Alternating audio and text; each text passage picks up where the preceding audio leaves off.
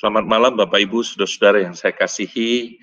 Dalam Tuhan kita Yesus Kristus, kita bersyukur pada malam hari ini kita boleh kembali bertemu di dalam acara obrolan kehidupan talk show.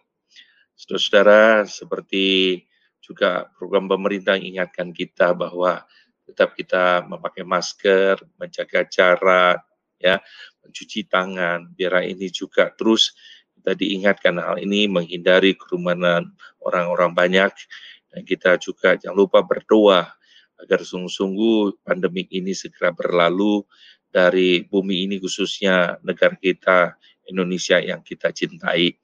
Bapak Ibu, saudara-saudara yang saya kasihi, kita bersyukur malam hari ini kita boleh kembali bertemu di tahun 2021 setelah dari bulan Maret sampai eh, Desember 2020 kita bersama-sama mengikuti obrolan kehidupan talk show setiap hari Rabu. Nah, saudara-saudara yang saya kasihi, pada malam hari ini seperti biasa di layar, tentu Bapak Ibu sekalian akan menyaksikan bahwa saya tidak sendirian, tapi malam ini saya akan ditemani oleh seorang anak Tuhan, seorang praktisi kesehatan yang saya percaya Bapak Ibu, saudara-saudara ada yang sudah mengenal dengan beliau. Beliau adalah dokter Dewi Saraswati Gadu. Selamat malam, dokter. Selamat malam, Mbak Randy. Sehat ya? ya, sehat, sehat, sehat, dokter. Ya, terima ya. kasih, dokter, uh, di tengah kesibukannya, tapi pada malam hari ini meluangkan waktu untuk menjadi narasumber kita pada malam hari ini. Uh, bagaimana kabar dokter? Keluarga semua sehat? Sehat, keluarga juga sehat. Saya sudah selesai dengan vaksin kedua minggu lalu. Oh, jadi vaksin kedua ya dokter ya. Jadi pertama vaksin terus ada vaksin kedua ya. ya. Oke, nanti saya ya. akan ya. tanya pengalaman dokter vaksin itu bagaimana karena ya kita ini juga lagi apa namanya pikirkan kalau divaksin gimana rasanya gitu ya. Lalu kemudian ada kekhawatiran-kekhawatiran itu sebabnya malam ini kita akan bahas satu topik perbincangan kita dokter yaitu vaksin itu berbahaya enggak kira-kira begitu ya. Dan dokter sudah divaksin jadi bisa cerita banyak begitu. Iya, bisa lah. ya, eh, dokter meskipun tadi ada yang saya katakan mungkin para pemirsa sudah mengenal Dr. Dewi, eh, tapi malam hari ini izinkan saya untuk bisa membacakan sedikit eh, kurikulum vitae tentang Dr. Dewi Saraswati Gadu. Ya, mohon maaf kalau ada kesalahan nih dok eh, dalam eh, menyebutnya, tetapi kurang lebih saya dapatkan begini, beliau adalah alumni dari Fakultas Kedokteran Universitas Indonesia tahun 1990 dan tahun 1998 beliau menyelesaikan spesialisasi uh, obstetri ginekologi di Fakultas Kedokteran Universitas Indonesia. Ya. Jadi uh, pekerjaan beliau waktu tahun 91 sampai 94 menjadi dokter umum di Rumah Sakit Umum Bethesda Serukam Kalimantan Barat dan dokter spesialis uh, apa namanya ginekologi eh, Rumah Sakit Umum Bethesda Serukam Kalimantan Barat tahun 99 sampai 2002 dan jadi dokter uh, juga spesialisasi jadi ops uh, tetri ginekologi di Rumah Sakit Hermina Jatinegara Rumah Sakit Hermina Kemayoran, Rumah Sakit Mitra Kelapa Gading dari 2002 sampai sekarang ya. Jadi bersyukur ya. sekali. Uh, saya juga thanks dokter untuk anak-anak saya juga banyak dibantu oleh dokter ini waktu istri melahirkan. Jadi ya. uh, kita bersyukur sekali dalam kesempatan ini uh, dokter bisa menjadi narasumber kita pada malam hari ini. Uh, baik, uh, dokter malam ini juga kita meskipun uh, kita obrolan uh, hanya berdua di dalam screen, tetapi para pemirsa, para jemaat yang mengikuti obrolan kita pada malam hari ini, mereka bisa berpartisipasi. Jadi bisa uh, memberikan respon, mengajukan pertanyaan, ya. Tentunya memang kita usahakan dokter bahwa satu setengah jam ya. Jadi tanpa ada break ya karena tidak ada pesan sponsor. Seperti ini kita ada break begitu. Nah eh, kita harapkan dalam waktu satu setengah jam ini kita bisa menjawab pertanyaan-pertanyaan dari eh, jemaat, dari saudara-saudara pemirsa pada malam hari ini. Dan Bapak Ibu, saudara-saudari bisa menulis pertanyaan di chatting YouTube GKBJ Kelapa Gading. Sekali lagi, menulis pertanyaan di chatting YouTube GKBJ Kelapa Gading. Kalau saudara Bapak Ibu yang saya kasih bisa melihat di running text itu ada YouTube channel GKBJ Kelapa. Baik, uh, kita mempersingkat waktu dokter pada malam hari ini saya percaya pasti menjadi sebuah topik yang sangat menarik. Kita langsung saja masuk kepada topik kita yaitu vaksin berbahayakah begitu. Nah, uh, dokter ini waktu kita bicara vaksin berbahayakah gitu ya. Uh, mungkin sebagian orang belum paham gitu apa itu vaksin sebenarnya dan lalu kemudian bagaimana sebenarnya proses terjadinya vaksin itu dokter mungkin bisa memberikan uh, penjelasan kepada kami ya vaksin itu sebetulnya uh, zat ya zat biologis yeah. kalau dalam halnya vaksin covid itu berikan hmm. secara suntikan ke tubuh hmm. manusia untuk merangsang kekebalan tubuh Hmm. Saya kira mungkin semua kita ingat bahwa waktu kecil itu juga sering kita divaksin. Jadi kita dibariskan kan di SD hmm. lalu disuntik satu-satu ya. Oh iya nah, iya. Sebetulnya vaksin itu ya sudah akrab lah eh, dengan kita. Cuma mungkin yang jadi kekhawatiran atau concern adalah loh kok ini pandeminya baru mulai kok vaksinnya udah jadi. Mungkin hmm. gitu ya. Jadi yeah. itu kenapa Bukannya kalau bikin vaksin itu harusnya lama ya? Iya, iya. Iya, ya. Jawabannya sih kalau singkat ya ada dua. Yang pertama itu science, yang -hmm. kedua itu kepepet. Ya. Oh, Oke. Okay. Iya.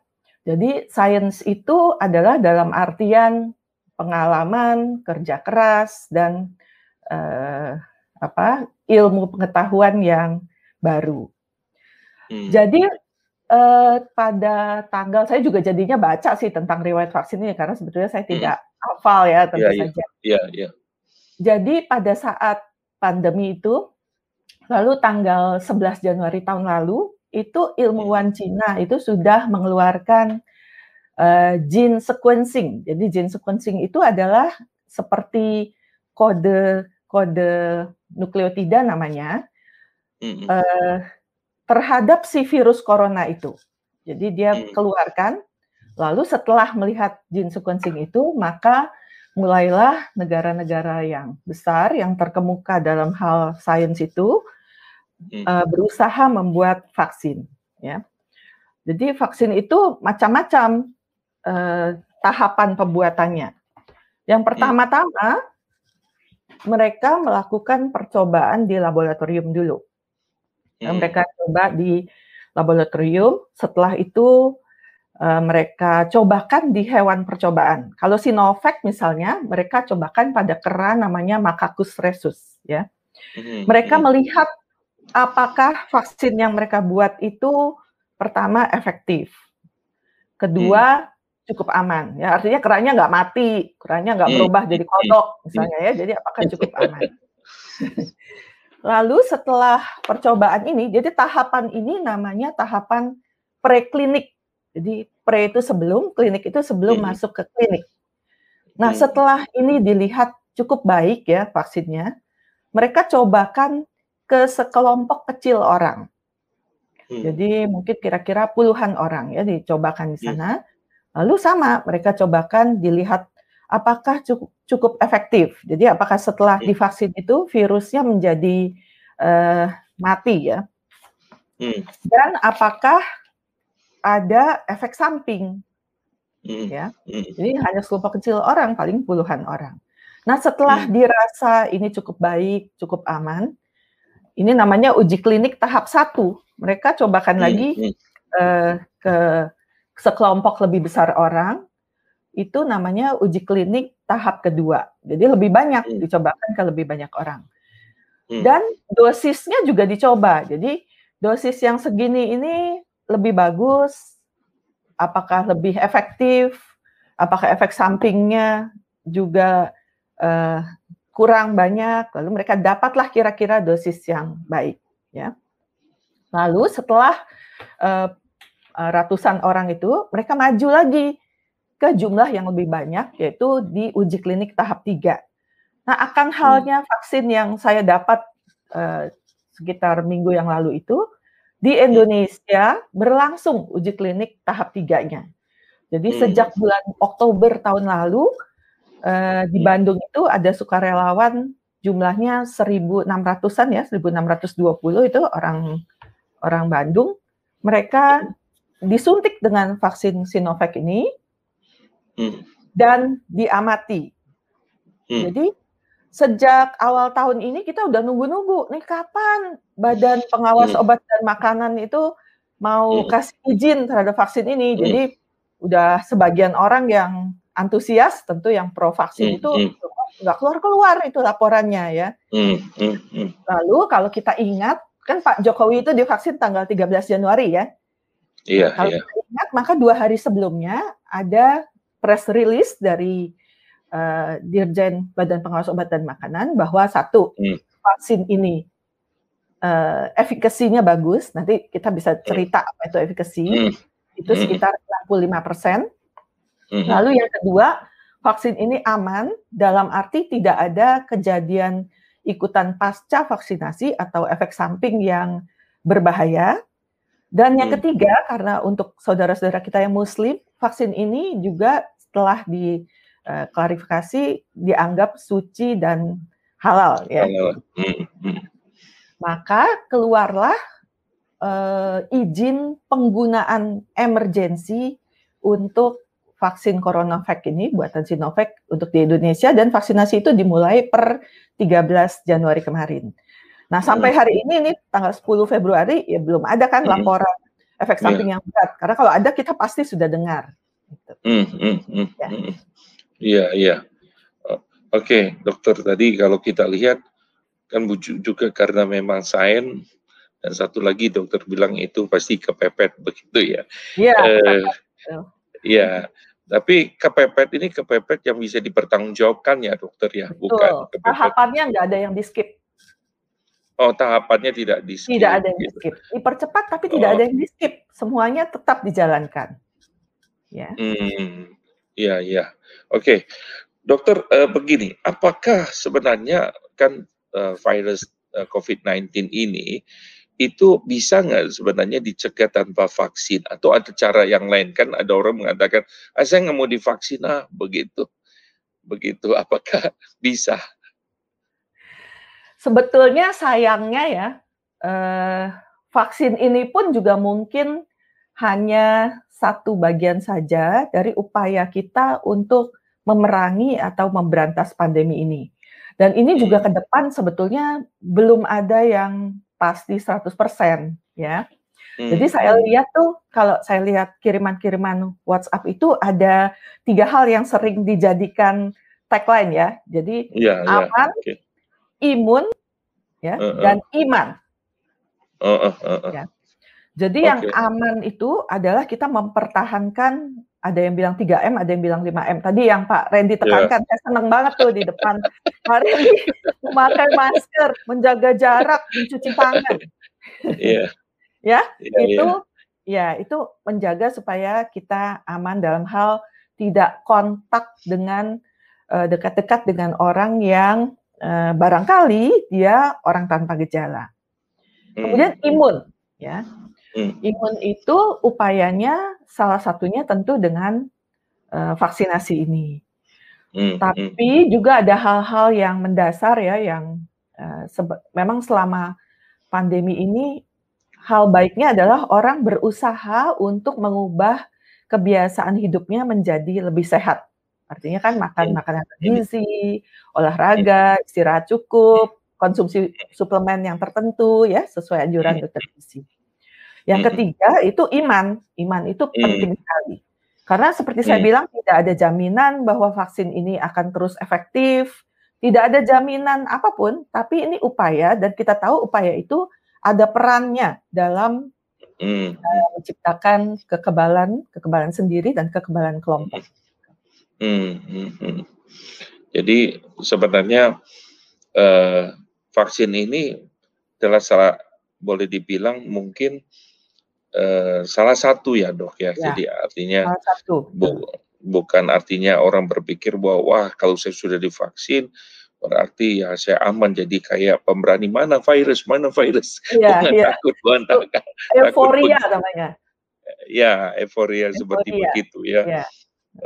Gitu. Eh, tapi ada orang bilang, gua lakukan yang tadi 3M tapi gua nggak mau divaksin begitu. Eh, kira-kira seperti begitu. Kalau menurut pandangan dokter itu bagaimana nih dok? Ya, tidak bisa juga. Mm, Karena mm, begini, meskipun kita kenal mungkin orang-orang yang kita rasa dia disiplin sekali ya, dia selalu 3M, dia eh, menjaga dirinya dengan baik, tapi tiba-tiba kita dengar dia kena COVID. Sering kan? Jadi maksudnya itu nyata kan dalam kehidupan kita sehari-hari. Jadi mm, artinya kan kita itu tidak mungkin hidup dalam ge- gelembung aman itu tidak mungkin. Di rumah kita itu ada banyak orang kan, dan mm, kita juga mau nggak mau bergaul dengan banyak orang. Nah, eh, alternatif lain dari mencapai kekebalan tubuh itu adalah terinfeksi. Tapi Hmm. kalau terinfeksi itu kita tidak bisa kontrol eh, beratnya. Ada orang terinfeksi itu hanya batuk sedikit, demam sedikit, atau tidak ada gejala sama sekali. Tapi ada yang terinfeksi demam tinggi, batuk-batuk berat. Ada yang terinfeksi sampai harus dirawat dan memerlukan ventilator. Dan sering Hmm. juga kita mendengar bahwa ada yang meninggal ya. Yang meninggal itu tidak Iya. harus orang usia tua, tidak harus. Jadi bisa terjadi kepada siapa saja. mm. Jadi tidak mungkin juga hanya eh, 3M itu. Hmm, hmm, hmm, hmm, hmm. Ya, betul sekali dokter. Jadi eh, ada orang coba berpikir, wah kalau saya terkena pasti berarti saya sudah ada imunnya. Belum tentu juga ya dok ya, apa seperti Eh, begitu ya. ti- tidak tahu seberapa tinggi kekebalannya dan tidak tahu seberapa lama dia dapat terlindung. Oh, oke. Ya. Jadi kan tema kita tentang vaksin gitu dok. Eh, Iya. Apa namanya? Seberapa sebenarnya efektivitas dari vaksin itu gitu. Misalnya eh, setelah divaksin dokter tadi kan katakan saya udah yang kedua begitu kan ya Iya. dokter berarti yang pertama ada yang kedua gitu. Nah apakah karena ini tidak terbentuk atau memang setiap orang harus dua kali begitu? Nah eh, apakah seperti begitu cara kerjanya? Saya tidak paham begitu dokter. Jadi masing-masing vaksin itu ada eh, aturan dosisnya, jadi ada aturan berapa kalinya. Jadi untuk Sinovac dan yang sekarang sedang diberikan di negara-negara seperti Amerika dan eh, UK itu Pfizer itu dua dosis, dua dosis. Kalau kita Oh. hanya satu dosis, dua minggu setelah kita disuntik yang pertama itu memang kekebalannya terbentuk, tapi tidak maksimal, sehingga mereka menganjurkan Hmm. dosis kedua. Saya dengar ada Johnson Johnson itu mungkin cuma satu dosis. Jadi nanti setiap vaksin itu ada aturannya berapa minggu setelahnya diberikan. Seperti Sinovac ini kalau untuk lansia interval pemberiannya bukan dua minggu tapi empat minggu karena menurut Oh, penelitiannya itu kalau empat minggu itu barulah terbentuk kekebalan yang baik kalau untuk lansia. Jadi bisa berbeda juga merek yang sama tapi untuk kelompok umur tertentu itu bisa aturan pakainya berbeda. hmm. Ini jadi mungkin kan di sini yang ikut dengar juga ada yang lansia gitu dokter. Kan dulu Iya. mereka ngobrol sama dengan saya, mereka bilang, aduh Musa Pak Pendeta ini kita nggak ada harapan nih, kita nggak bisa disuntik begitu ya, nggak bisa ada anti, eh, nggak ada apa vaksinnya. Tapi terakhir kita dengar Sinovac bisa ya dokter ya. Iya, jadi eh, Kementerian Kesehatan di Indonesia itu kalau menurut pandangan saya hati-hati sekali, hati-hati. Jadi untuk memutuskan bahwa vaksin yang kita punya sekarang ini CoronaVac boleh diberikan uh, kepada populasi usia 60 tahun ke atas, mereka hmm. menunggu hasil uji klinik yang baru-baru ini dirilis oleh Sinovac terhadap uh, kelompok usia yang sama di Cina.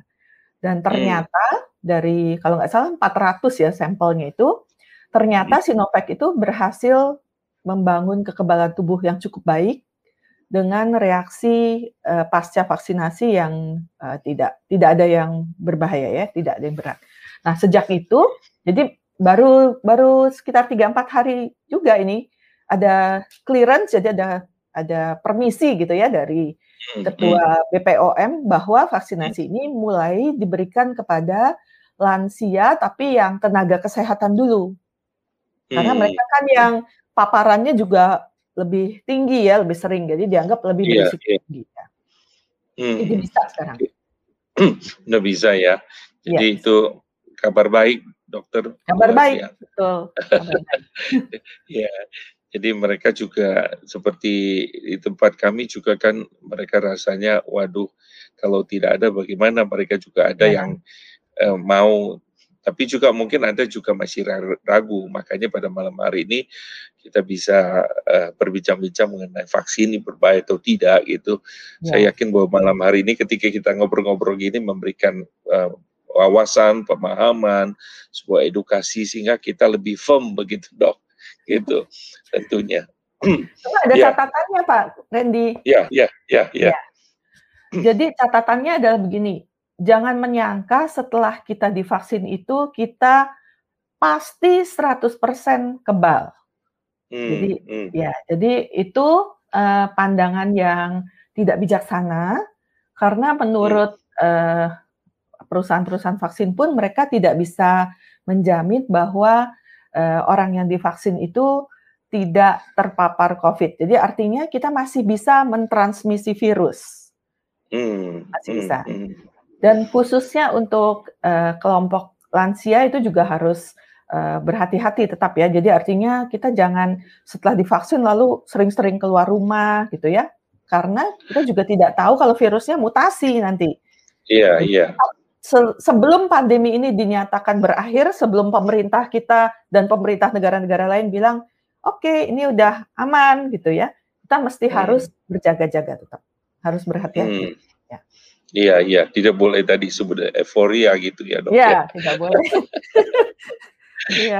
Karena memang yang usia lansia di saya yakin semuanya lah mereka merasakan wah pasti anaknya sangat jaga. Mereka bilang sekarang kami tuh di rumah begitu. Dulu kami lihat kami yang bebas burung yang disangkar. Sekarang terbalik oh. kami yang di rumah seperti disangkar, nggak bisa iya. keluar. Memang ya ada sebuah pergumulan seperti begini sih. Uh, dok begini, ada berapa jenis vaksin dikeluarkan oleh berbagai negara begitu ya, ada yeah. berbeda-beda. Tadi dokter sudah sebut Pfizer, kemudian ada Moderna, ada Sinovac ya, lalu ada AstraZeneca disebutkan Novavax, Sinovac dan uh, ada beberapa lagi mungkin yang lain. Sebenarnya apakah ini semua sama dokter gitu atau ada bedanya. Sekilas saja begitu. Mungkin uh, bahasa yang dapat dimengerti oleh setiap kita. Perbedaannya adalah perbedaan platform. Platform itu artinya uh, isinya uh, oke. Okay. kalau Sinovac dan Sinopharm yang bikinan Cina hmm. itu itu isinya hmm. virus yang dimatikan. Jadi inactivated. Hmm. Kemudian kalau yang Pfizer dan Moderna itu itu adalah mRNA mRNA hmm. itu kode instruksi pembuatan protein. Jadi dia uh, hanya uh, kode genetiknya saja dimasukkan, jadi dibungkus dalam uh, selubung lemak katanya, lalu disuntikan ke tubuh kita. Sampai di dalam tubuh kita, dia memberikan instruksi kepada tubuh manusia untuk membuat uh, protein yang serupa dengan struktur yang seperti duri itu di badan corona. Hmm. Ya, hmm. jadi, nah Uh, tapi semua vaksin ini tujuannya sama dan sebelum dipakai itu mereka hmm. melewati tahapan yang sama hmm, hmm, hmm. dan dinyatakan harus uh, efikasi ya efikasi itu adalah hmm. daya hmm. menurunkan uh, apa namanya menurunkan uh, COVID-nya itu sekian hmm. persen. Jadi misalnya kalau hmm. yang Sinovac itu kan 65 persen ya, 65 yeah. persen itu artinya gini, kan ada 1.600 orang yang di Bandung itu, jadi sebagian, hmm. jadi orang-orang ini uh, di, seperti dibagi, ada yang dapat vaksin, ada yang dapatnya uh, tidak ada obatnya, dia tidak ada vaksin, lalu mereka ini nggak tahu, jadi mereka nggak tahu apakah mereka divaksin atau tidak. Jadi kita kayak pegang undian, tapi kita juga nggak tahu. Disuntik semuanya disuntik. Lalu hmm. setelah beberapa bulan mereka diperiksa di PCR. Lalu dapatlah dari yang uh, eh, 1.600 ini ternyata menurut laporannya ada 25 yang positif COVID. Hmm. Dari 25 itu ada 7 yang mendapat vaksin dan yang 18-nya yang tidak mendapat vaksin. Nah, hmm. dari yang positif tapi mendapat vaksin itu tidak ada satupun yang infeksi berat, jadi tidak ada yang gejala berat. Sementara hmm. dari yang uh, tidak mendapat vaksin kita sebut itu placebo, itu hmm. ada dua yang memerlukan perawatan. Hmm. Nah, nah, jadi itu dihitung tuh, jadi yang sakit tapi uh, tidak dapat vaksin dan dapat itu dihitung bedanya, lalu dibagi hmm. pembaginya yang uh, sakit semuanya itu, lalu persentasenya itulah namanya efficacy. Jadi hmm. itu adalah kemampuan mereduksi sakit pada populasi penelitiannya. Kalau hmm. nanti sudah diberikan kepada masyarakat ke kita, nanti kan kita juga dihitung tuh nanti berapa yang sakit, berapa yang enggak, berapa yang sudah dapat vaksin. Itu namanya efektivitas nanti. Kalau sekarang hmm. kita baru ada data efficacy saja. Hmm, oke, okay, oke. Okay. Ya, Baik, dokter. Uh, terima kasih untuk penjelasannya. Kalau misalnya uh, orang sudah divaksin begitu ya, berapa lama sebenarnya ini akan bekerja gitu? Atau maksud saya bisa memproteksi orang itu ya bagi orang yang telah divaksin itu. Apakah misalnya vaksin di Indonesia cukup memproteksi virus ini gitu? Bagaimana dengan misalnya uh, ada strain SARS COVID itu begitu ya, ya dari Inggris katanya dari Afrika begitu. Apakah bisa juga sebenarnya itu memprotek? Ya saat ini belum ada jawabannya Pak Randy karena hmm, hmm. Uh, jadi orang orang-orang yang diuji klinis itu masih terus diikuti, jadi masih terus dilihat sampai berapa bulan mereka punya proteksi. Uh, baru-baru ini ada laporan dari Pfizer bahwa sampai 8 bulan itu masih ada uh, antibodi penetralisir. Tapi hmm. yang sebetulnya kekebalan tubuh kita itu bukan cuma soal antibodi yang tersedia, tapi juga setelah kita divaksin, maka sel-sel uh, imunitas kita ya, namanya sel B, sel T hmm, itu hmm, hmm. punya ingatan, punya ingatan bahwa oh ini protein yang dulu itu, jadi mereka bisa lebih cepat membuat antibodi baru untuk uh, melawan penyakitnya. Tapi memang pertanyaan apa keempat itu yang terus diikuti. Jadi kalau tiap kali ada strain baru itu itu di namanya di genome sequencing jadi dibaca itu strain barunya hmm. itu apa ya eh, bahasanya atau nukleotidnya itu dibaca lalu dilihat apakah vaksin ini masih bekerja terhadap strain yang baru itu. Jadi misalnya AstraZeneca itu terhadap strain yang dari Afrika Selatan itu hmm. dianggap hmm. kurang melindungi. Jadi oh. sementara Afrika Selatan sedang uh, apa ya menunda gitu ya kan dia tadinya pesan hmm. banyak gitu. Jadi itu hmm. terus hmm. dievaluasi. Jadi uh, kita itu juga tidak gegabah. Makanya tadi saya bilang apakah vaksin itu pasti melindungi? Ya, namanya juga usaha tapi pasti atau tidaknya belum tahu. Kekebalannya berapa lama juga kita belum tahu karena masih terus diikuti, masih diteliti. Iya, iya. Tapi tentunya pasti uh, apa namanya itu tidak yang dokter bilang prosesnya tidak ada yang didiskon begitu. Tidak, tahapannya tidak, tidak tahapannya terus diawasi ya. terus. Ya. Ya, jadi ini adalah usaha-usaha memang untuk coba menolong begitu ya dokter ya. ya jadi ya sedikit nanti kita lihat lepas dari ada unsur-unsur yang uh, menjadi sebuah perdebatan bahkan nanti masuk kepada area-area tertentu gitu ya kita tidak yeah. uh, singgung tetapi uh, ada, ada orang mengatakan ini ada maksud ini itu ada dalam kaitan bahkan agama dan sebagainya saya pikir terlalu mungkin kita agak jauh lari ke sana mungkin kali ya dokter ya. Yeah. Uh, tapi tadi kalau bicara tentang uh, jenis-jenis vaksin ini ada yang tanya nih dokter saya coba ke para pemirsa dulu uh, yang berkata begini dari Dev gitu. Ini uh, bertanya begini, selamat malam Bu Dokter, saya ingin bertanya bagaimana tanggapan Bu Dokter mengenai beberapa vaksin yang bukan Sinovac yang ada di luar negeri yang maaf katanya dapat menimbulkan efek samping yang parah uh, seperti kejang-kejang, kelumpuhan bahkan kematian begitu. Apakah seperti itu? Terima kasih dok. Ya, jadi memang eh, kan seperti tadi kita sudah cerita-cerita, memang eh, setelah kita memberikan vaksinasi, selalu kita mengamati eh, kejadian pasca vaksinasi, ya. Yeah. Kalau yang saya dengar eh, ada isu ya tentang kenapa habis divaksin Pfizer itu di Norwegia ada beberapa hmm. kematian. Yeah Nah, ya. itu selalu oleh uh, otoritas kesehatan terkait itu selalu diteliti.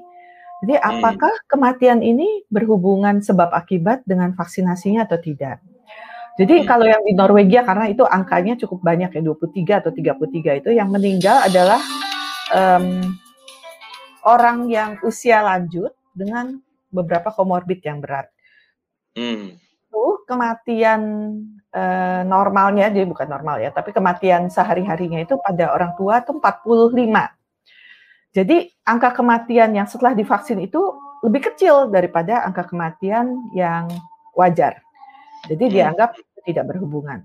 Tapi tentu pemberian vaksin itu memerlukan kehati-hatian. Nanti kalau di Indonesia itu orang lansia yang divaksin itu ada indeks frailty namanya. Indeks frailty itu jadi dinilai apakah ada komorbid yang berat. Bila ada misalnya dia diabetes ya, itu harus HbA1c-nya cukup baik. Jadi kurang dari 7.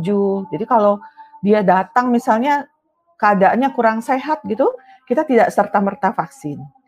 Nah, jadi eh, tentu agresivitas pemberian vaksinasi ini di berbagai negara juga berbeda-beda. Tapi eh, itu tidak luput dari evaluasi um, otoritas kesehatan. Bila betul vaksin itu berbahaya, jadi bila betul dia yang menyebabkan kelumpuhan atau kejang-kejang atau yang lain itu tentu vaksinasinya tidak dapat uh, diteruskan. Itu biasanya uh, perilaku yang uh, dilakukan oleh otoritas kesehatan. Kemudian salah satu efek samping yang menjadi concern memang adalah yang kita bilang shock anafilaktik itu reaksi alergi yang hebat terhadap iya. komponen apa pun. Kalau dulu kita kenal misalnya terhadap antibiotika penisilin itu cukup banyak kan yang shock yeah, anafilaktik. Yeah, yeah. Tapi terhadap kacang juga ada orang shock anafilaktik sampai sesak napas meninggal tuh bisa. Ya jadi hmm. itu sebabnya kalau nanti kita habis divaksin ya nggak boleh terus tiba-tiba pulang gitu, tidak boleh. Harus tinggal dulu di poliklinik vaksinnya 30 menit. Jadi diawasi. Dan kita juga dikasih ini nih saya kartu vaksin saya yang okay. uh, eh, di polinya dikasih yeah. Iya. uh, nomor telepon yang bisa dihubungi bila kita hmm. ingin melaporkan kejadian pasca vaksinasi. Hmm, ya, hmm. ya itu dia. Hmm, hmm. Iya, iya. Jadi ini tadi berkaitan dengan kalau kita lihat di Turki atau Brasil kan mungkin ujian klinisnya berbeda dokter sudah jelaskan ya. Nah, ini juga seperti Pak uh, Leonardo Lukman tadi sudah dijelaskan oleh dokter bahwa uh, apa namanya uh, kalau misalnya diabetes, asam lambung, apakah ada ada masalah kalau seandainya disuntik divaksin begitu. Tadi dokter sudah menyinggung ke sana. Jadi uh, terima kasih. Mungkin dokter mau mau perjelas, mau tanggapi sedikit mengenai kalau yeah. komorbid ada yang yang okay. diabetes atau jadi uh, pada petunjuk uh, teknis pelaksanaan yang kira-kira satu bulan yang lalu itu itu hmm. ada cukup banyak ya yang dianjurkan jangan divaksin dulu. Tapi hmm. setelah berjalan kurang lebih satu bulan ini, um, apa namanya Departemen Kesehatan itu melihat, oh ternyata pada penyuntikan Sinovac di Indonesia ini tidak ada efek samping yang berat, tidak ada efek samping yang uh, terlalu berbahaya. Sehingga petunjuk teknisnya itu sekarang sudah lebih dilonggarkan. Jadi beberapa orang yang ada penyakit misalnya penyakit autoimun atau penyakit kanker itu sekarang aturannya begini, kita hubungi dulu dokter yang mengetahui keadaan kita dan berdiskusi apakah kita sudah layak divaksin atau belum. Misalnya tadi Pak Lukman ya, itu diabetes. Jadi apakah sepanjang beberapa uh, bulan ini kadar gula darah kita sudah cukup terkontrol? Jadi batasnya kalau nggak salah itu HbA1c-nya 7 atau kurang ya. Jadi sekarang ini mumpung kita belum dipanggil untuk vaksin ya, kita berusaha untuk memperbaiki dulu uh, kebiasaan kita supaya hidup sehat, supaya kekebalan tubuhnya juga cukup baik sehingga vaksinnya itu jadinya juga nanti lumayan mantap gitu ya, antibodinya baik. Kemudian kalau ada komorbid, kita periksakan dulu komorbidnya ke dokter, lalu kita teratur minum obat, kita tidur cukup, makan sehat, olahraga, sehingga pada saat kita divaksinasi itu, kita betul-betul layak divaksin. Waktu kita datang ke poliklinik vaksin itu, ada kertas yang perlu diisi atau tenaga kesehatan akan menanyakan kepada kita beberapa hal yang mengecek kembali apakah kita layak divaksin hari itu atau tidak dan juga tekanan darahnya nanti diukur. Gitu. Hmm. Jadi uh, dokter kalau begitu uh, kan dokter sudah divaksin. Nah, ya. kira-kira mungkin uh, persiapan apa yang harus dilakukan nih oleh oleh si penerima vaksin begitu selain dokter ngomong tadi gitu ya apa yang perlu disiapkan lalu kemudian SOP-nya ada nggak begitu dok maksud saya yang harus diikuti oleh penerima vaksin setelah divaksin begitu SOP-nya Jadi biasanya kan kita terima SMS tuh ya dari uh, ada aplikasinya namanya aplikasi Peduli Lindungi. Kalau uh, kita sudah mendapat SMS, maka tibalah giliran kita divaksin, bukan? Uh, Lalu kita harus re-registrasi. Jadi kita harus registrasi ke aplikasi itu.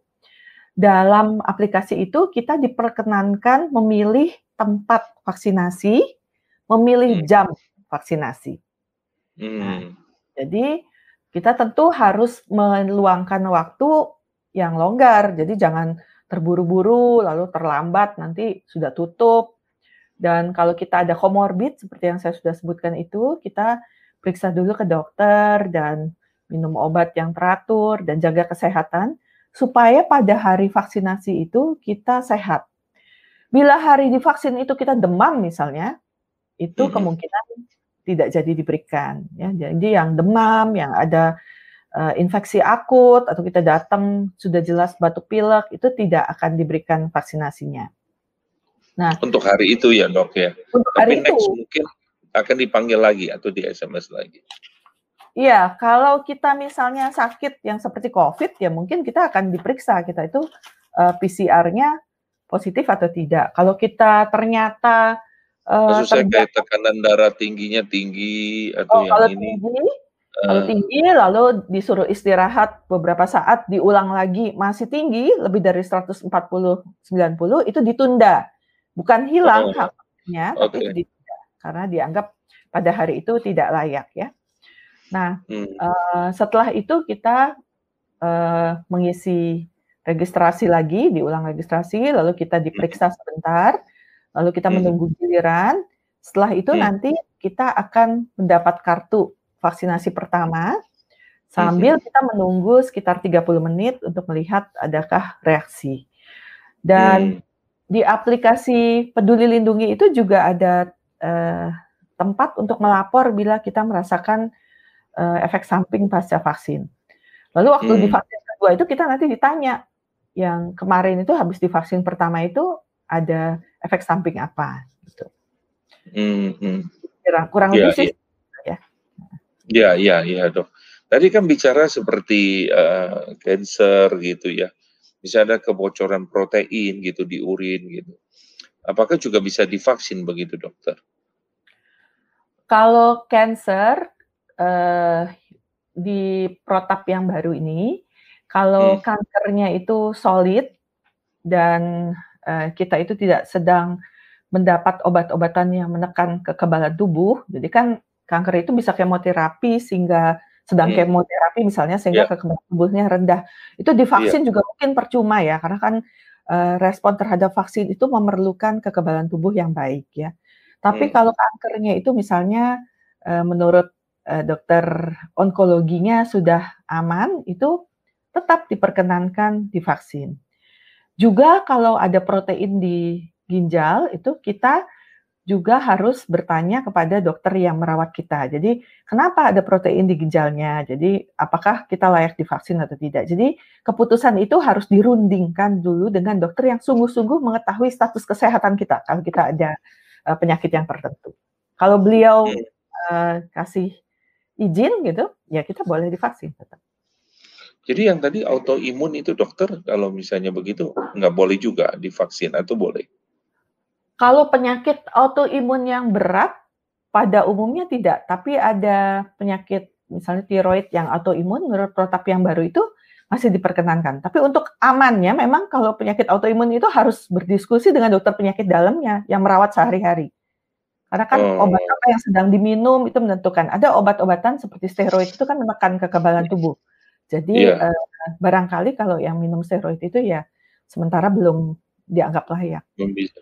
Oh, belum bisa begitu ya, karena percuma yang dokter bilang tadi ya, seperti Ya, ada kemungkinan. terbentuk. Ya. Hmm, iya. Dok, ini ada yang bertanya uh, dari namanya Karina uh, Surja Dibroto. Selamat malam Bu Dokter, mau tanya apa vaksin yang available di Indonesia dapat diterima dan efektif bagi penderita epilepsi begitu? Iya, bisa.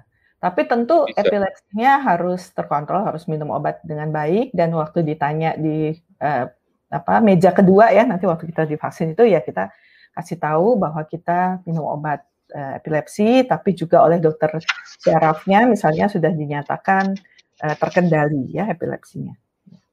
Hmm, oke, okay, baik. Bapak Ibu saudara-saudara bisa mengajukan pertanyaan ya, jadi silakan saja uh, pada malam ini selain saya uh, berbincang-bincang dengan Dr. Dewi, uh, saudara-saudara, Bapak Ibu sekalian juga bisa mengajukan pertanyaan uh, melalui YouTube uh, channel dari GKBJ Kelapa Gading. Ya, jadi ada beberapa yang tadi mengajukan pertanyaan, silakan supaya kita bisa terus ya juga uh, lengkapi perbincangan kita pada malam hari ini. Baik, dokter kembali kepada uh, apa yang kita diskusikan bicara tentang vaksin berbahayakah begitu ya. Ini ada yang bertanya dari Pak Jawoto. Uh, dia bertanya demikian. Uh, selamat malam dokter. Dia bertanya bahwa saya mau tanya kenapa yang sudah kena COVID tidak bisa divaksin padahal yang sudah kena COVID antibodinya juga bertahan lima bulan begitu. Iya. Um, sebenarnya Pak Jowoto ya tadi ya. Iya, sebenarnya ya, yang sudah kena COVID itu boleh divaksin. Boleh hmm. divaksin. Hmm. Akan tetapi um, vaksinasi itu yang sekarang ini ya, itu diberi, diberikan sementara menurut urutan prioritas.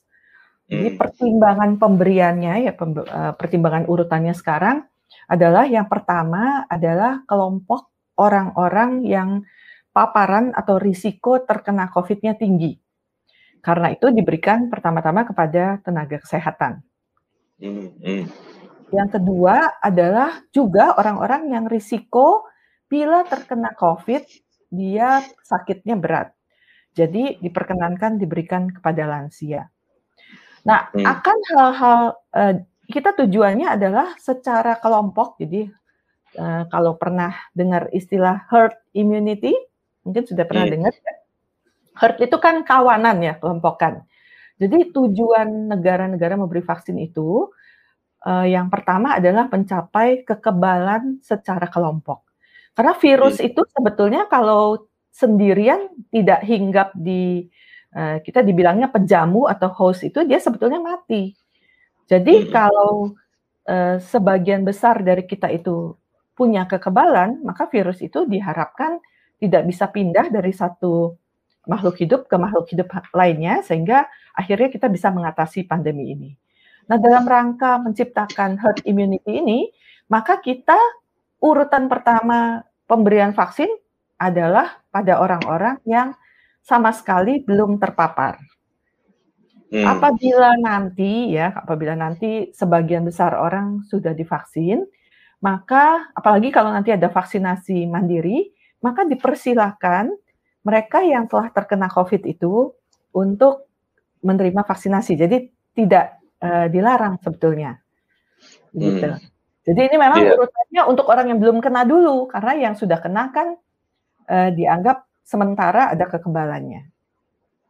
Oh, jadi maksudnya kalau misalnya orang sudah kena, lalu sebenarnya uh, dia bisa divaksin ya, tidak percuma ya. begitu kan? Ya, dia bilang, percuma. Ngap, ngapain divaksin kan? Kamu sudah punya kekebalan karena sudah pernah kena begitu. Ya. Tidak, tidak percuma. Bahkan nanti kan penelitiannya kan berjalan terus ya. Kan tadi Pak hmm. Randy nanya ya, berapa lama kekebalan setelah hmm. divaksin ini bertahan misalnya ya? Iya, iya. Nanti kalau kita sudah tahu, oh kekebalan ini bertahannya hanya dua tahun misalnya, hmm. maka setelah dua tahun itu akan diumumkan bahwa diperlukan booster atau vaksinasi ulangan. Itu yang terjadi pada flu vaksin. Jadi vaksin flu itu biasanya hmm. diperlukan booster kan setiap uh, setahun iya, sekali. Iya, iya, setahun sekali. Ya. Oh, iya iya dok. Jadi eh, mungkin saya pertegas dokter kalau misalnya orang yang divaksin misalnya dia terbentuk misalnya ya antibodinya seperti begitu, berarti dia nggak akan kena begitu ya.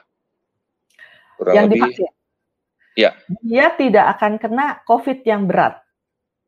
Tidak akan kena COVID yang COVID berat. Yang berat. Ya, tapi dia tetap bisa OTG, bisa orang tanpa gejala, sehingga dia bisa mentransmisikan virus.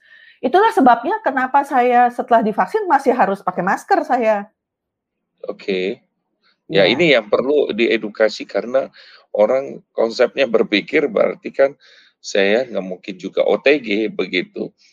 Uh, mungkin ya. vaksin ini meringankan kali ya dokter ya, mungkin meringankan ya. efek dari virus ini bahayanya jadi pada penelitian di Brasil itu mm -hmm. uh, tidak ada yang divaksin yang sakit berat.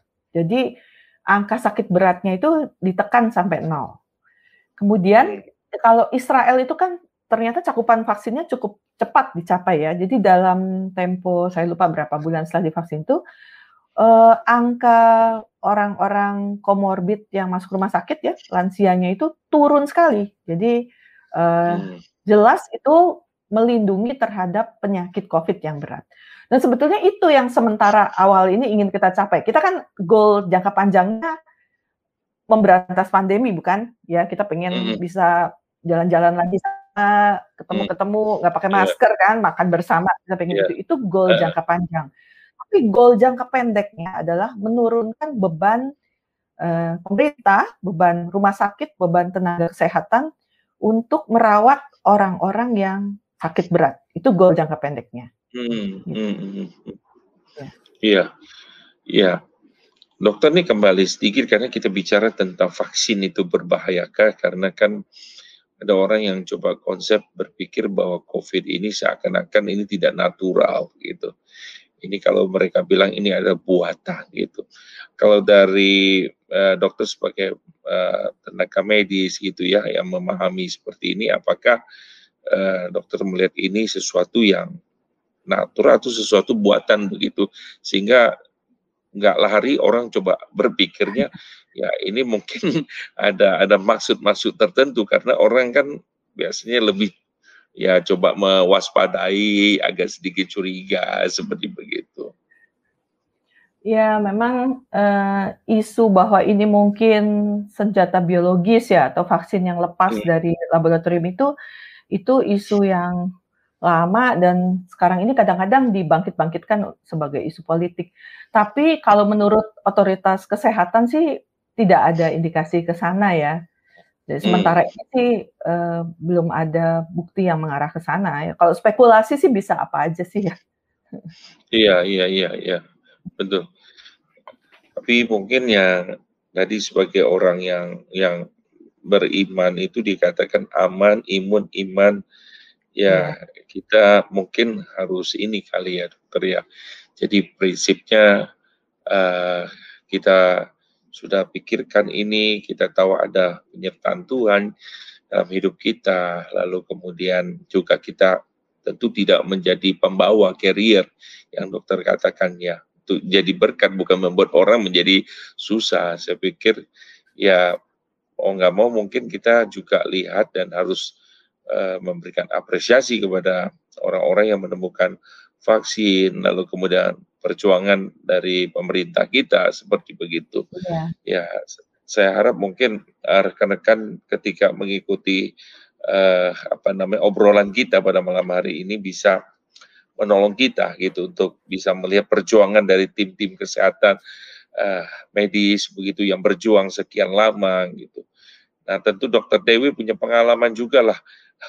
Bagaimana harus menolong pasien tapi juga harus waspada sementara juga banyak eh, apa namanya teman-teman sejawat kali ya tim medis yang juga ada maafkan saya mungkin ada yang banyak meninggal juga begitu. Tentu ada banyak kesedihan gitu yang ya. dirasakan dialami. Sehingga eh, ketika ini ada vaksin tidak saya berpikir itu memberikan secercah harapan begitu bagi kita walaupun bu, bukan sekalanya tetapi adalah sebuah step awal begitu ya. Boleh saya katakan seperti itu ya dokter ya? Mungkin ada mau kasih komentar dok? Ya, ya uh, betul sekali Pak Randy. Um, COVID ini membawa banyak sekali kesusahan ya. Jadi kesusahan kesedihan ada beberapa teman yang cukup baik ya, cukup dekat uh, hmm. dokter ya. Beberapa hmm. itu meninggal. Kalau yang hmm. positif COVID, well, ya banyak lah, sudah banyak sekali. Hmm. Hmm. Dan hmm. juga di dalam pekerjaan itu membawa uh, beberapa kerepotan, kesulitan.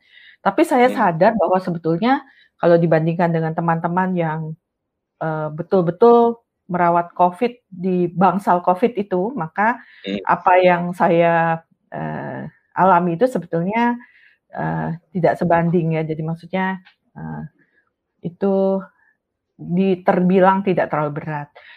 Oleh karena itulah kita sebagai orang Kristen kita perlu mengambil peran di dalam uh, mengatasi atau melewati pandemi ini. Jadi kita perlu bersimpati terhadap orang lain dan juga perlu mengapresiasi segala upaya pemerintah, otoritas kesehatan, tenaga kesehatan itu untuk perjuangan ini. Sehingga kalau kita uh, dipanggil untuk vaksinasi, ya kita bersiap dan uh, menganggap itu sebagai bagian kita orang Kristen. Hmm.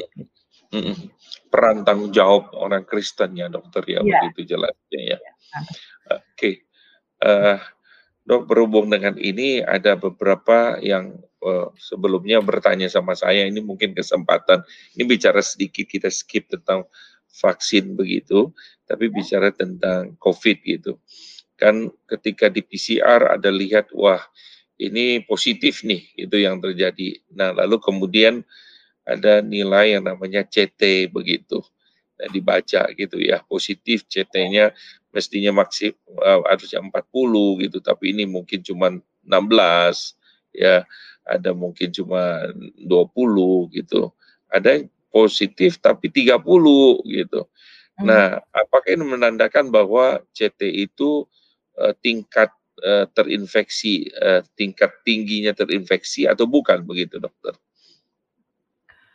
Ya, uh, CT, CT itu singkatan dari cycle threshold. Jadi cycle itu putaran, jadi putaran mesin PCR-nya. Threshold itu ambang. Hmm. Jadi uh, itu memang menggambarkan seberapa putaran mesinnya sampai dia ketemu nukleotidanya. Jadi kira-kira ya hmm. ketemu virusnya lah ya. Hmm. Hmm. hmm. Cuma membaca pemeriksaan penunjang itu kita harus sangat berhati-hati. Jadi sebagai hmm. dokter kami itu klinisi. Jadi kami menghadapi pasien, memeriksa itu mulai dari bertanya. Bertanya Hmm. ada kontak atau tidak, bertanya gejalanya apa. Jadi Hmm. tanya juga misalnya dia sudah seberapa lama uh, sakitnya, lalu dia kerja di mana. Ya jadi mulai dengan pertanyaan itu anamnesis. Kemudian kita periksa fisiknya. Periksa fisiknya Hmm. itu juga kita lihat apakah betul ada gejala yang sesuai baru kita periksa laboratorium di antaranya PCR ya. Itu kita namakan pemeriksaan penunjang. Hmm. Sehingga meskipun angka-angka yang di laboratorium PCR maupun di hasil lab yang lainnya itu mengindikasikan sesuatu, tapi itu harus dicocokkan dengan uh, pemeriksaan yang awal tadi.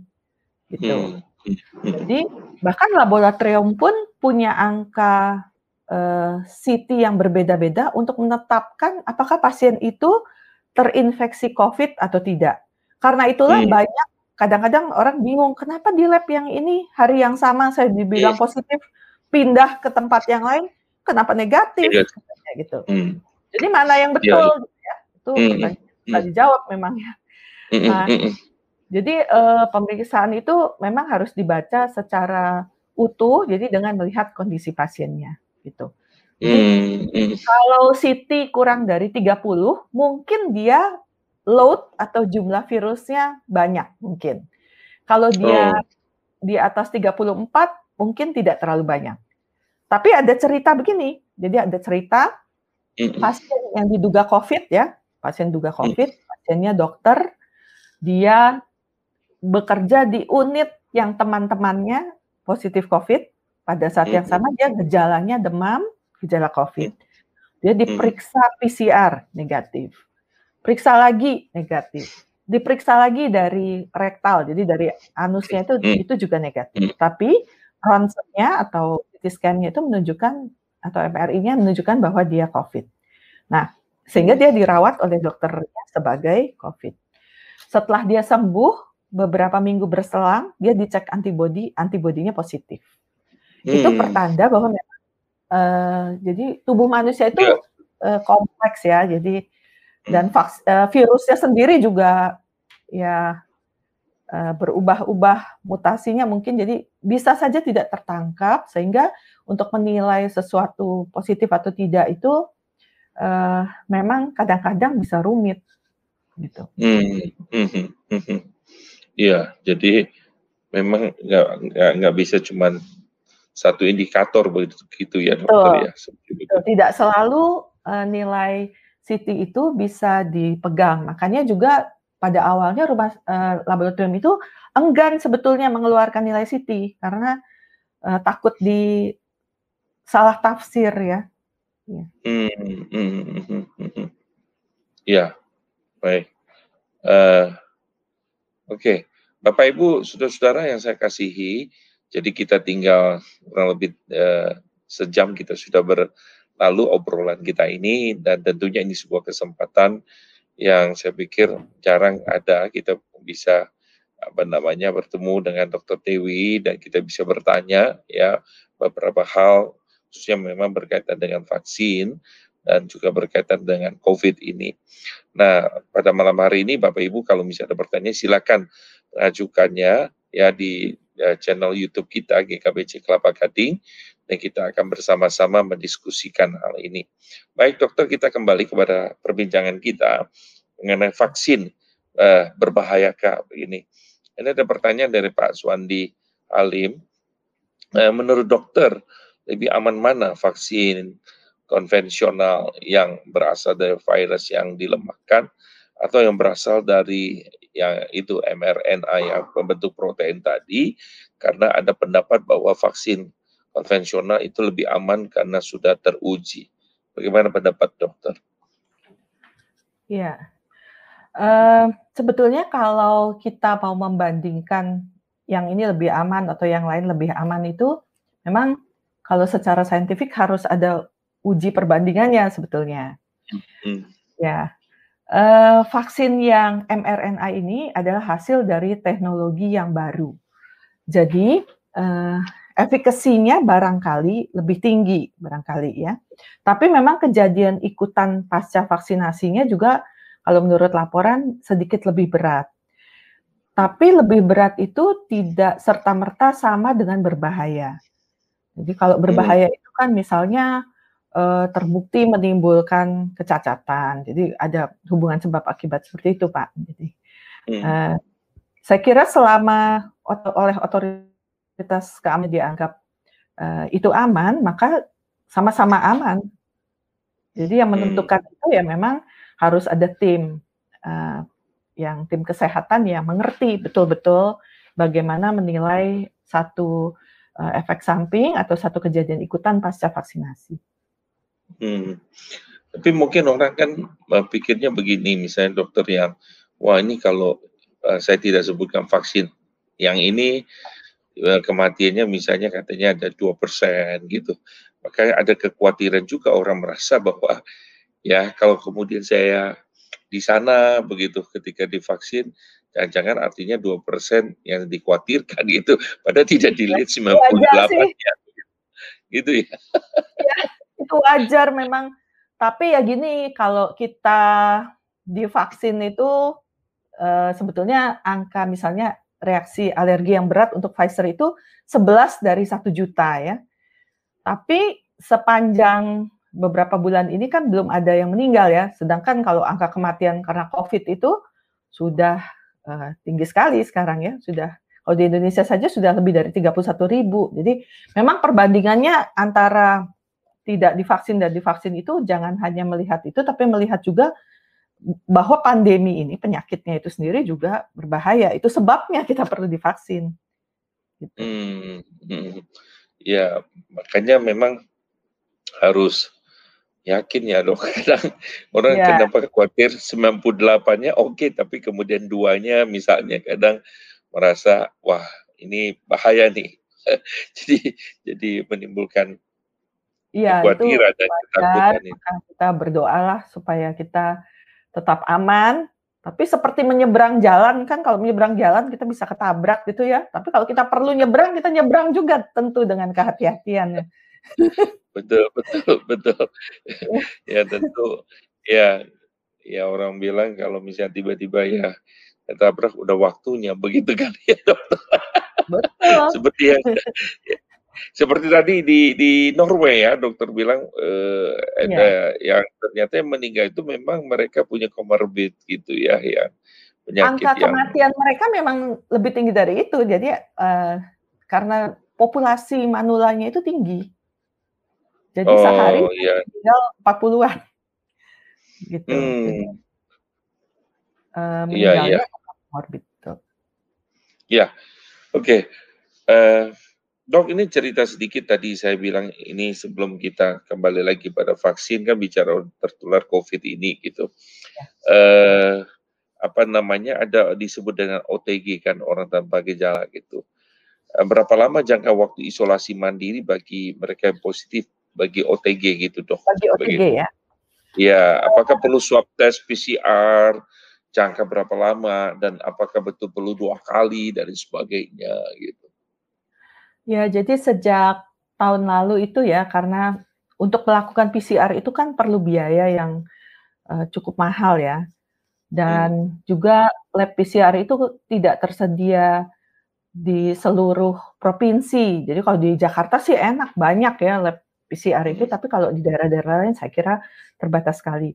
Maka juga mengacu kepada uh, protap atau uh, panduan dari WHO, jadi sudah ada panduan dari Kementerian Kesehatan untuk orang tanpa gejala yang PCR yang positif, maka apabila dalam 10 hari sejak tanggal PCR pertama itu dia uh, tidak ada gejala, maka dia dianggap sudah bebas COVID. Hmm. Untuk orang dengan gejala uh, sedang, maka sejak 10 hari tambah tiga hari tanpa gejala, dia tanpa PCR boleh dinyatakan sudah sembuh. Sedangkan hmm. untuk orang dengan gejala berat yang dirawat di rumah sakit yang berat itu, dia memerlukan minimal satu kali tes PCR yang negatif. Gitu. Hmm, okay. uh, itu kita biasa ikut panduan saja. Oh iya iya. Jadi sebenarnya kalau OTG itu dok 10 hari dari hasil tes swab dia keluar, ya. kalau di OTG itu sudah dinyatakan tidak sembuh menular. begitu ya. Tidak menular begitu ya. ya. Tapi kalau dia tetap positif ada uh, jemaat yang tiga minggu, saya ada teman empat minggu, ada teman saya pendeta yang di Surabaya itu sampai hmm, satu bulan gitu, dua bulan dinyatakan tes positif, tes ya. positif. Tapi uh, dia sehat ya? Sehat, sehat gitu. Ya. Itu namanya persisten PCR test. Jadi fenomena itu diamati uh, sudah hmm. sejak tahun yang lalu ya. Lalu ya. uh, para dokter itu, nih orang sehat kenapa positif terus bisa berlangsung sampai beberapa minggu itu, bisa empat mingguan. Ya. Lalu ya. mereka ambil uh, swab dan swabnya itu ditanam di kultur, jadi di dibiarkan gitu. Ternyata tidak ada virus hidupnya. Jadi itu kemungkinan oh sisa jadi virus yang tidak bisa menginfeksi lagi yang dalam tanda petik sudah mati. Jadi yang penting kan kita tidak menular lagi, sebetulnya itu kan yang penting. Hmm. Itulah sebabnya dibuat uh, panduan yang baru itu. Jadi 10 hari setelah uh, eh, PCR pertama positif itu kalau tanpa gejala dianggap tidak menular. Oh, oke okay, oke okay, dokter. Jadi ya. uh, kita dapat sebuah penjelasan lebih clear gitu ya supaya tahu gitu karena kan mau sampai tiga minggu, empat minggu dites positif terus. Iya. Jadi juga khawatir begitu dan iya. takut gitu padahal tidak ada gejala begitu itu yang terjadi. Gitu. Dan akhirnya bisa salah juga minum obat terus itu juga bahaya gitu ya dokter konsumsi obat-obat. Oh, uh, iya, tidak perlu. Uh, uh, uh, dokter ini ada yang yang bertanya tadi sudah sebenarnya sudah dijelaskan oleh oleh dokter sekilas ya tentang Pak Joni tanya malam dokter menurut dokter vaksin yang merek apa yang paling bagus? Dan terus kapan kita bisa dapat giliran vaksin? Tunggu giliran dokter nggak bisa jawab. Jadi kalau bisa Joni kalau ya. bisa kalau bisa saya mau tanya dulu, saya kapan dokter kalau dokter bisa kasih.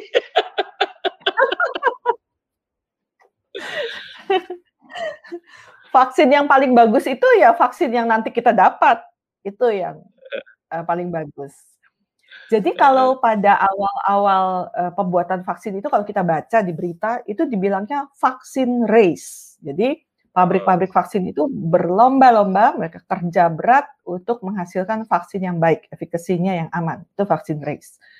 Hmm. Bersamaan dengan vaksin race itu, pada ketika vaksin-vaksin itu sudah kayak hampir mau keluar, hampir mau jadi itu, maka negara-negara yang berlomba-lomba mengamankan jatah vaksin untuk penduduknya. Kita hmm. bisa bayangkan negara kita itu penduduknya kan banyak ya, sedangkan untuk yeah. kekebalan imunitas itu kita mau mencapai sekitar 70% lah. Jadi hmm. pemerintah itu ngitung, mereka pikir, oh kira-kira kita harus vaksinasi 181 juta hmm. orang. Itu kalau dikali dua kan, dua dosis itu berapa hmm. unit? Iya, iya, iya. Banyak sekali kan. Nah, hmm. jadi memang pada uh, waktu-waktu ini kita sudah mendapat uh, press release dari pemerintah bahwa oh perusahaan ini sudah komitmen sekian juta, perusahaan yang ini sekian juta. Jadi dari AstraZeneca sekian, misalnya 50 juta, dari Pfizer 50 juta, dari Sinovac kita udah dapat sekian ratus juta. Dan juga ada juga yang bahannya dikirim lalu oleh Bio Farma dibuat uh, ya. Jadi di Bandung itu dibuat yang dari Sinovac itu. Juga uh, beberapa institusi Sains Indonesia misalnya UI, ITB, uh, Eijkman, lembaga Eijkman, lalu uh, eh, UGM itu berusaha juga membuat vaksin buatan sendiri namanya vaksin merah putih. Jadi hmm. perlombaannya mula-mula membuat vaksin, sekarang perlombaannya adalah mengamankan jatah vaksin. Dan hmm. WHO itu bilang begini, negara-negara miskin itu tolong dikasih juga vaksin. Jadi negara kaya tolong sumbang ke negara miskin. Karena hmm. pandemi ini adalah urusan bersama. Jadi hmm. yang dipanggil vaksinasi buru-buru datang dan menyediakan hmm. diri divaksin. Yang belum itu jaga diri baik-baik ya, 5M dan hmm. kalau pemerintah kan lakukan 3T ya, jadi dia tracing, tracking, dan terapi kalau misalnya ada gejala. Dan bersabar gitu. Bersabar tuh Iya artinya ya nanti gilirannya dapat ya dapat dan yang dapatnya itu misalnya, "Oh, Anda itu divaksinnya dengan vaksin yang ini," gitu. Nah, itu vaksin yang paling bagus itu, udah. Iya iya, Nggak bisa sudah bagus lagi. Iya. Itu vaksin yang dari Tuhan, vaksin yang dari pemerintah itu ya vaksin yang dari Tuhan, gitu. Karena Ya ya kekebalannya kan pasti jadi, karena sudah diteliti ya. Mmm, nggak bisa ditukar gitu ya, Dokter? Nggak bisa. Dan ditukar juga buat apa? Karena kan juga tidak Iya. tahu ya mana yang lebih bagus dari yang lain. Kan tubuh kita itu ada namanya kompleksitas biologi. Jadi tubuh manusia itu, eee, orang per orang itu unik, reaksinya unik. Jadi ya susah menentukan mana yang lebih bagus, mana yang lebih jelek, susah. Jadi dapatnya apa, ya itu yang bagus. Mmm, iya iya iya. Iya, Dokter. Jadi sekali lagi Iya. Pak Joni dapat apa, itu yang paling bagus, jawabannya itu yang seperti paling bagus. itu. Iya. Kapan gilirannya pasti dapat giliran tapi tunggu, begitu. Ya, jadi kan pemerintah ya, tuh Dok? sudah pesan gitu ya, sudah pesan dan berusaha mengamankan, eee, jatah untuk penduduknya. Toh juga kita harusnya ternyata berpikirnya global, karena melewat pandemi ini harus bersama-sama di seluruh dunia gitu. Jadi nggak bisa cuma satu negara, nanti orang dari negara lain masuk, ya mulai lagi nanti ya ininya, Mmm, infeksi. mhm. Iya iya. Oke, eee, baik. Dokter nih kembali lagi ada pertanyaan dari Pak Suwandi Halim. Beliau bertanya, "Kalau sudah divaksin COVID, apakah perlu lagi divaksin flu atau pneumonia itu sendiri, Dokter?" Ya, Pak Suwandi, eee, vaksin itu khas untuk tiap penyakit. Jadi vaksin COVID itu melindungi kita terhadap COVID, vaksin flu itu melindungi kita terhadap influenza. Jadi, mmm, tapi bila kita ingin divaksin dua-duanya, itu perlu ada rentang waktu. Jadi kita jangan sekarang divaksin COVID, lalu sebentar kemudian divaksin flu, itu kira-kira harus ada jarak, eee, lebih dari, eee, 1 atau 2 bulan gitu. Jadi jangan jangan ini. Nah, kalau vaksinasi flu itu, eee, terutama memang diperlukan di negara-negara yang ada 4 musim, karena biasanya infeks infeksi flu-nya itu berat sekali. Tapi di Indonesia juga dianjurkan vaksin flu itu bagi populasi rentan.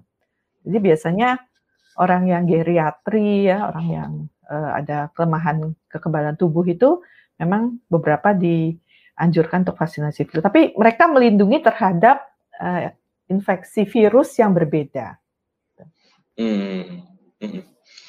Jadi sebenarnya, eee, ya vaksinnya juga berbeda begitu ya, Dokter, ya? Ya, spesifik. Iya. Jadi vaksin itu spesifik terhadap, eee eee, jenis virus atau kuman yang berbeda. Oh, tapi tidak tidak terjadi artinya, eee, apa, masalah gitu tulang. Oh, iya, masalah. ketika maksudnya ada, eee, divaksin ini, divaksin ini, kemudian ya ber eee, bertentangan, terbentuk artinya bahwa da dari tubuh kita itu kemudian bingung, kemudian, eee, apa namanya, membaca kira-kira ini harus membentuk antibodi yang mana nih. Kadang orang kan udah Oh, suntik ini, iya. suntik itu, karena saking takutnya kan pasti semua, "Oh, ini bagus, dengar disuntik, ini vaksin ini bagus, ya disuntik, ini vaksin ini juga disuntik," begitu dong, untuk jaga pikirnya begitu. Eee, tidak. Jadi sel-sel kekebalan tubuh kita itu membaca, benda asing yang masuk itu sebagai satu jenis protein yang tertentu. Jadi misalnya kalau COVID, ya dia baca COVID strukturnya begini, dia bikin antibodinya khas terhadap COVID. Meskipun juga ada kekebalan yang umum, jadi dia akan serang apa pun juga, misalnya dia belum kenal ya, dia akan menyerang juga.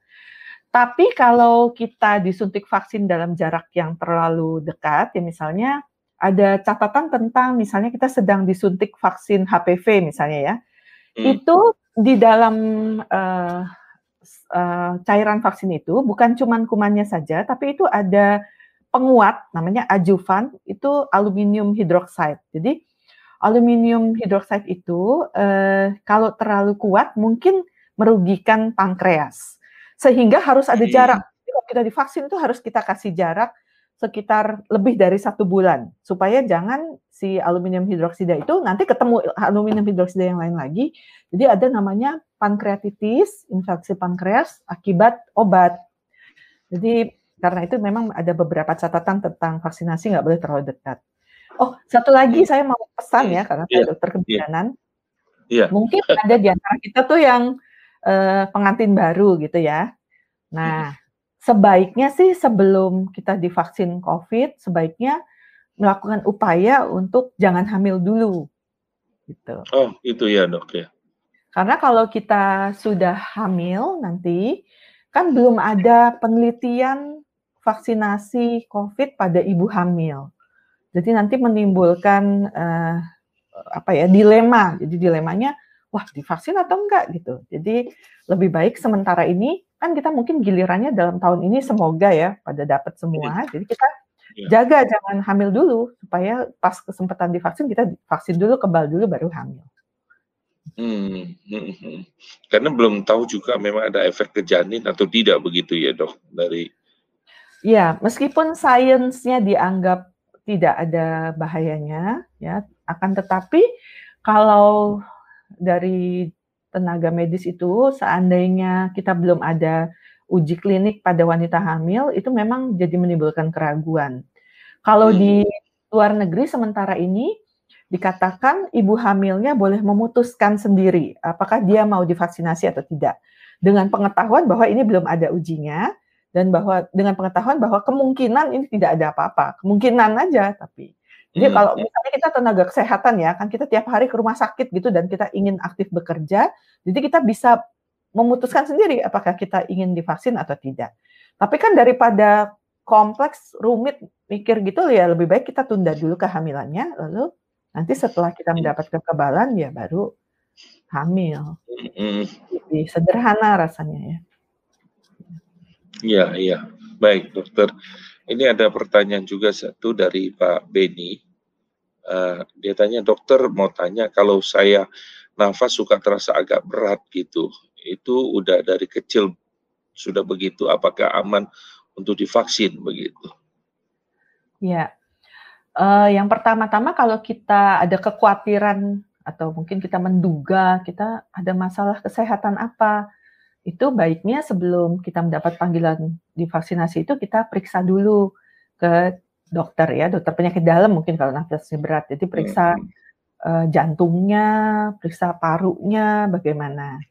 Hmm. Kalau pasien-pasien yang ternyata asma, asalkan pada saat divaksin itu dia tidak ada serangan akut, dia masih diperkenankan. Tapi tentu itu harus didiskusikan dengan dokternya. Juga pasien-pasien yang misalnya mendapat kateterisasi jantung ya, jadi sakit jantung, asal dia sudah stabil kira-kira tiga bulan juga menurut panduan dari PERKI, dari Organisasi Dokter Kardiologi, diperkenankan.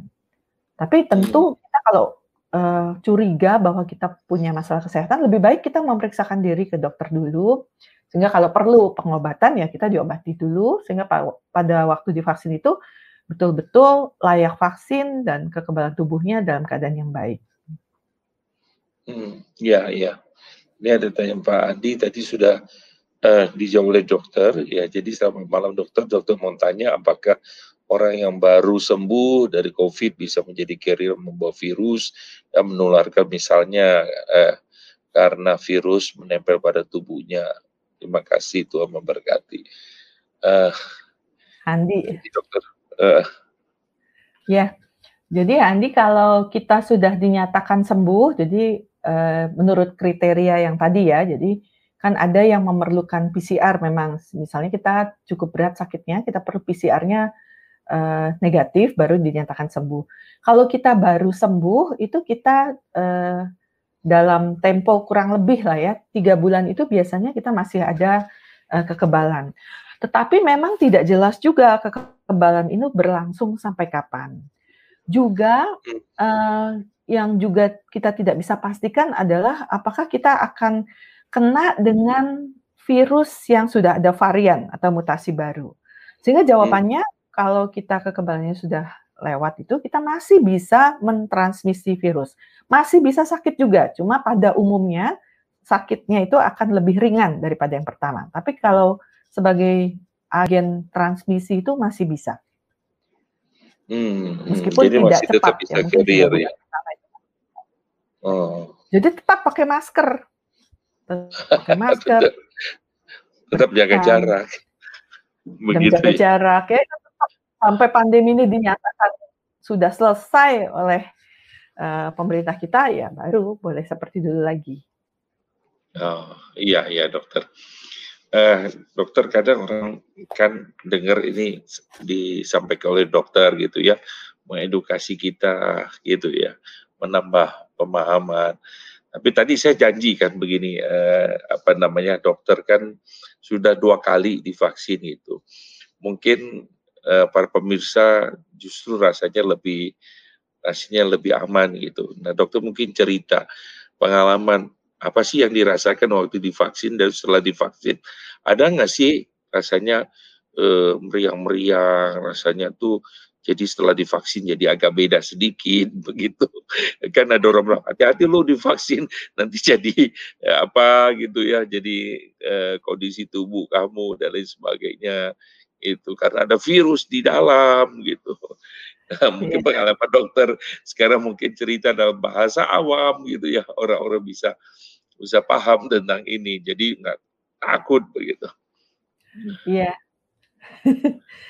Kalau saya ya, itu kan pengalaman pribadi mungkin ja- nantinya jadi tidak sama ya. Tapi kalau pengalaman pribadi saya waktu habis suntikan pertama itu, besoknya saya bangun terlambat. Oh, Jadi biasanya saya bangun setengah enam itu saya bangun tu- jam 7 pagi. Jadi Oh. dan menurut beberapa teman-teman itu ada yang berkomentar ini seperti habis jaga malam katanya dua malam berturut-turut. Jadi mungkin itu sesuatu efek samping yang agak banyak dirasa eh, ngantuk. Ada yang capek ya, ada yang Hmm. agak demam, ada. Ada hmm, yang kepalanya eh, agak sakit bisa juga. hmm. Kalau sehabis vaksinasi kedua, eh enggak sih, enggak ada apa-apa. Agak pegel sedikit sih. Nah, Pak Jokowi Hmm. juga kan divaksin dia bilang ya pegel sebentar, begitu nggak apa-apa, bisa kerja biasa. Oh, tapi alamnya itu cuman sebentar ya dok ya, seperti Iya, terlambat, terlambat bangun cuman hari itu aja, Hari itu besok besoknya udah. ada teman yang tidak terasa apa-apa, katanya nggak apa-apa, sama sekali sama aja kayak biasa. Ada yang lapar. Oh, ada yang lapar. Dan Iya. setelah lewatin itu sudah biasa ya dok ya, seperti biasa. Rasanya tubuh kita seperti Iya. Kalau normal. saya ya biasa kerja biasa, tidak tidak ada rasa yang menghalangi eh, aktivitas itu nggak ada. Tapi ya barangkali bisa ada yang agak eh, anget gitu badannya sih bisa aja di daftar efek samping vaksinasi itu ada yang menggigil gitu ya bisa katanya. Hmm, hmm. Tapi Tapi tampaknya Sinovac agak ringan ya efek sampingnya. Hmm. Tapi itu bukan sesuatu yang perlu dikhawatirkan ya dok ya. Eh, tidak, tidak. Jadi yang satu-satunya yang kita cukup concern adalah seandainya orang itu alergi Eh, terhadap vaksin COVID. Kalau dia alergi, maka dia tidak akan dapat vaksin yang kedua nanti. Misalnya dia ada reaksi alergi yang berat ya. Yang kita khawatir itu ya itu alergi. oh, iya iya iya. Oke, dokter ini ada satu pertanyaan lagi. Ya, ya Pak Beni tadi dia bilang ya dokter mau tanya satu lagi kalau punya riwayat eh, vertigo nih istrinya punya riwayat vertigo apakah aman pada saat melakukan vaksinasi? Ya, kalau vertigonya sudah pernah dicek oleh dokter syaraf ya, jadi eh, mungkin vertigonya karena eh, hormonal atau karena eh, bukan hal yang serius, itu bukan termasuk kontraindikasi atau larangan untuk divaksin. Tapi seperti yang sudah eh, saya ceritakan tadi, setelah divaksin itu kita akan diawasi selama 30 menit di poliklinik vaksin itu dan juga kalau kita merasakan ada sesuatu yang uh, perlu dilaporkan setelah divaksin itu di rumah, kita dapat melaporkannya. Biasanya akan dikasih nomor kontak oleh tempat vaksinasinya. Hmm, iya iya iya. Baik. Eh, Oke, sebentar saya mau ini ada satu pertanyaan lagi dokter dari Pak Joni tadi. Balik lagi dia beliau bertanya, e, dokter sementara nunggu giliran divaksin, saya minum vitamin D dan C terus terusan itu bayang nggak apa ada efek sampingnya nggak dan bisa jarang dan biasa jarang minum vitamin gara-gara takut kena covid jadi pada minum banyak vitamin. Iya. Iya, jadi kalau barusan ini saya dengar dari uh, dokter gizi tentang angka kecukupan gizi harian untuk vitamin C dan vitamin D. Ternyata iya. kalau untuk vitamin C itu angka kebutuhan kita itu tidak terlalu besar. Jadi ya selama COVID ini paling 200 mg sehari. Dan apabila kita tidak sedang sakit, ya misalnya kita tidak sedang radang sesuatu, itu sebetulnya kita bisa memperkaya uh, konsumsi makanan kita yang mengandung vitamin C. Misalnya makan kiwi, makan jeruk yang banyak, lalu uh, pokoknya buah-buahan yang banyak mengandung vitamin C, dan jangan uh, mengkonsumsi vitamin C dosis tinggi, misalnya 500 apalagi 1000 mili setiap hari. Karena kebutuhannya tidak sebesar itu. Tapi kalau kita sakit, mulai bersin-bersin gitu, boleh kita naikkan ya 500 sampai 1000. Kalau akan halnya vitamin D3 yang kita konsumsi itu, sebetulnya kita bisa cek di laboratorium. Kalau kita mulai khawatir ya, wah saya minumnya kebanyakan atau enggak, kita cek. Jadi hmm. angka kecukupan itu 30. Jadi 30 uh, itu cukup. Akan tetapi ada penelitian yang menyatakan bila kita mempertahankan vitamin D-nya itu 50, maka bila kita terserang COVID, COVID-nya tidak terlalu berat. Hmm. Jadi kalau kita concern soal konsumsi vitamin itu, kita bisa cek di laboratorium. Tapi uh, menurut dokter gizi yang saya dengar barusan itu, tampaknya cukup aman mengkonsumsi sekitar 2000 unit sehari. Dan bahkan kalau kita ternyata rendah vitamin D-nya itu kita bisa naikkan sampai 4000 unit, 5000 unit sehari. Ya. Hmm, hmm, hmm, hmm. Semoga menjawab ya Pak Joni ya. Sama jemur ya. lah Iya, iya, mungkin jemur. Ya, jadi lebih iya. Ya, yang pastinya dokter pasti bulan Februari ini banyak konsumsi buah-buahan. Tadi dokter sebut jeruk, pasti banyak. Oh, ya. Soalnya soalnya Imlek dokter dapat ya. jeruk. Background saya sudah. Jadi dapat iya. konsumsi buah jeruk, dokter. Ya. Oke, okay, baik dokter. Uh, kita akan mau akhiri karena sedikit kita nanti akan tutup dengan sedikit kesimpulan. Mungkin dokter bisa sampaikan sesuatu berkaitan dengan vaksin ini. Terakhir, ya. dokter, silakan.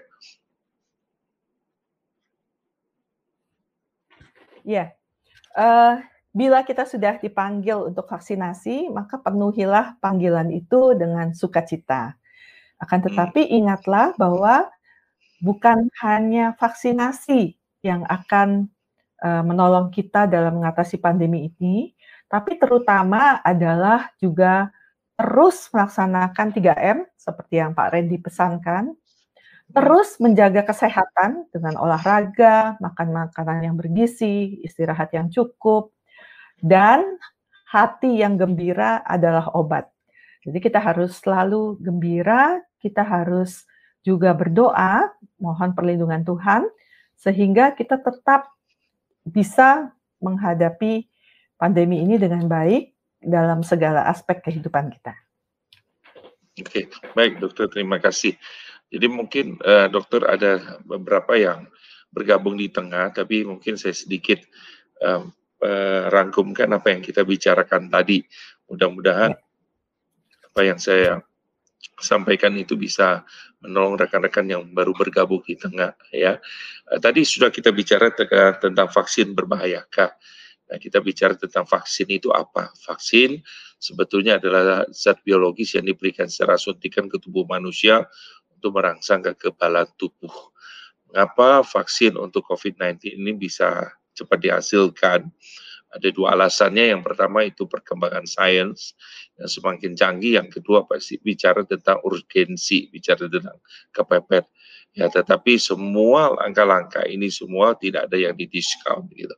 Vaksin Sinovac uh, diterima karena satu vaksin ini efeknya itu baik sekitar 65 persen ya maksudnya kemampuan mereduksi sakit pada populasi penelitian yang kedua vaksinnya aman ya tidak efek sampingan yang berbahaya yang tiga vaksin ini ini dinilai yaitu halal itu ya karena sudah dinyatakan oleh uh, lembaga yang berwenang di Indonesia vaksin hanyalah salah satu upaya untuk mengatasi pandemi. Tentu ada hal lain seperti yang terus uh, sering disebutkan ya, yaitu aman, ada imun, tentu iman.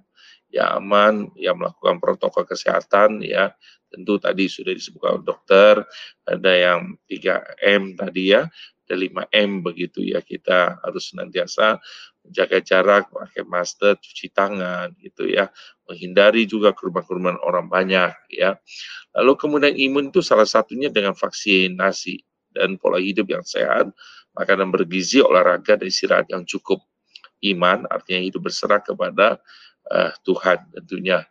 Nah, setiap vaksin memiliki tujuan yang sama ya, meskipun platformnya uh, dan aturan pemakaian mungkin berbeda ya. Jangan menyangka setelah kita divaksin kita pasti akan 100% artinya kebal ya. Vaksinasi tidak menjamin seorang itu tidak akan terpapar virus. Kita tetap harus berhati-hati ya. Nah, ketika kita bicara tentang uh, membaca CT tadi ya, uh, cycle tadi threshold begitu ya.